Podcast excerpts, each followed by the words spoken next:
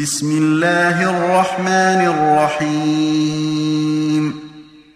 إذا زلزلت الأرض زلزالها وأخرجت الأرض أثقالها وقال الإنسان ما لها يومئذ تحدث أخبارها بأن ربك أوحى لها يومئذ يصدر الناس أشتاتا ليروا أعمالهم فمن يعمل مثقال ذرة خيرا يره ومن يعمل مثقال ذرة شرا يره تم تنزيل هذه المادة من موقع نداء الإسلام.